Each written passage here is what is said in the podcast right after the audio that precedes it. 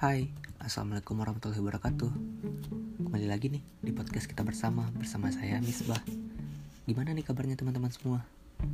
Pada sehat kan? Semoga pada pada sehat ya, amin Pada podcast kali ini kita akan kita mau ngecoba bah, ngebahas tentang taktik penjualan retail di tengah pandemi COVID-19 Teman-teman semua udah pada tahu bukan? Apa sih itu COVID-19? COVID-19 itu yaitu sebuah wabah virus corona wabah virus yang lagi menyerang bumi kita tercinta ini semenjak WHO Kesehat, Organisasi Kesehatan Dunia meng, mengumumkan bahwa wabah virus corona tersebut menjadi pandemi pemerintah Indonesia langsung menghimbau agar masyarakat berkegiatan di rumah saja atau work from home tentu saja keputusan ini keputusan ini berdampak besar kepada para pengusaha, khususnya para peritel.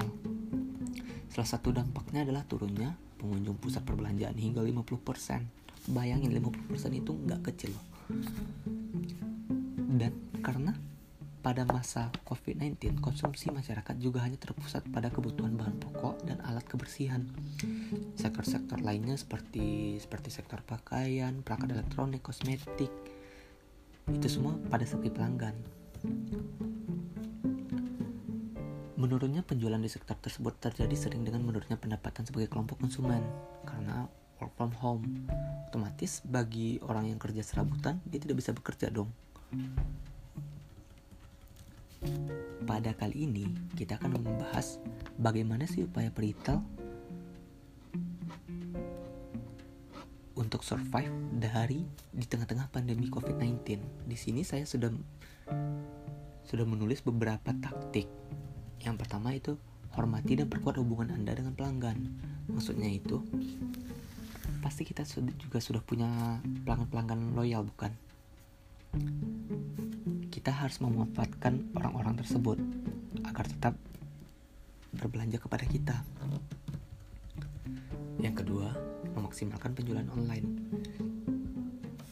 Maksud dari memaksimalkan penjualan online, di tugas-tugas kita di siap di setiap usaha kita kita pasti memiliki yang namanya online online shop atau toko online. Kita harus memanfaatkan semaksimal mungkin karena pada masa pandemi para para konsumen tidak bisa bepergian leluasa buat membeli barang-barang yang mereka inginkan ke toko-toko. Jadi kita harus mem mem memaksimalkan penjualan online. Yang ketiga memperlakukan program promosi. Cara ini sepertinya sudah dilakukan para pebisnis dari banyak industri dalam menghadapi pandemi COVID. Karena ini merupakan cara termudah untuk menstimulasi penjualan. Tetapi khususnya para peritel kini tidak bermain dalam melakukan diskon belanja online sampai ada yang cashback 90%. Yang keempat, cari cara dan strategi penjualan yang kreatif. Maksud dari kreatif itu bagaimana? Misalnya, anda dapat membuat video Anda membuat video unik dengan cerita yang lucu yang menarik yang bisa mengundang konsumen Anda. Anda tidak perlu kok terlalu memaksakan, terlalu memasarkan produk Anda. Cukup buat saja cerita yang unik, lucu dan menarik agar pelanggan selalu ingin menonton video penjualan Anda di setiap Anda memposting di media sosial atau media lainnya. Yang kelima, fokus pada penjualan produk yang paling laku. Bagi para retail tentu tidak hanya satu barang yang dijual atau satu produk. Kita ambil contohnya seperti ini. Sebuah peritel menjual 10 produk. Dari 10 produk, kita eliminasi produk mana yang paling laku. Nah, agar tetap efektif, Anda bisa mengejar produksi dari penjualan barang-barang yang paling laku untuk menghemat biaya secara keseluruhan. jangan panik dan jangan berhenti menjual. Ingat, kita harus survive dari COVID ini. Gak mungkin kan karena COVID, para peritel tutup buku. Hindari kepanikan atas pandemi COVID ini dan berhentilah berasumsi bahwa bisnis Anda akan segera bangkrut karena adanya penurunan penjualan. Turun naik itu hal yang biasa. Banyak bisnis yang diambang kepanikan karena adanya isu-isu virus corona di luar sana. Anda tetap harus menjual produk dan mencari calon pelanggan dengan berbagai cara yang dapat menarik hati pelanggan. untuk tetap membeli produk-produk Anda. Yang ketujuh, bernegosiasi dengan para supplier dan vendor. Seperti yang disebutkan poin di atas, pengusaha retail harus bergelut dengan stok barang yang menipis. Harganya melangit, sedikitnya tenaga kerja, sulitnya mengoptimalkan stok barang. Untuk mengatasinya, Anda sebaiknya mulai menyiapkan strategi sedini mungkin. Proses harus beralih dari proses negosiasi tradisional ke bagaimana cara memastikan alur logistik tetap terjaga. Jadi, cobalah ajukan beberapa keinginan pembayaran atau perubahan kebijakan lainnya dengan supplier Anda. Yang terakhir, mempersiapkan pemulihan.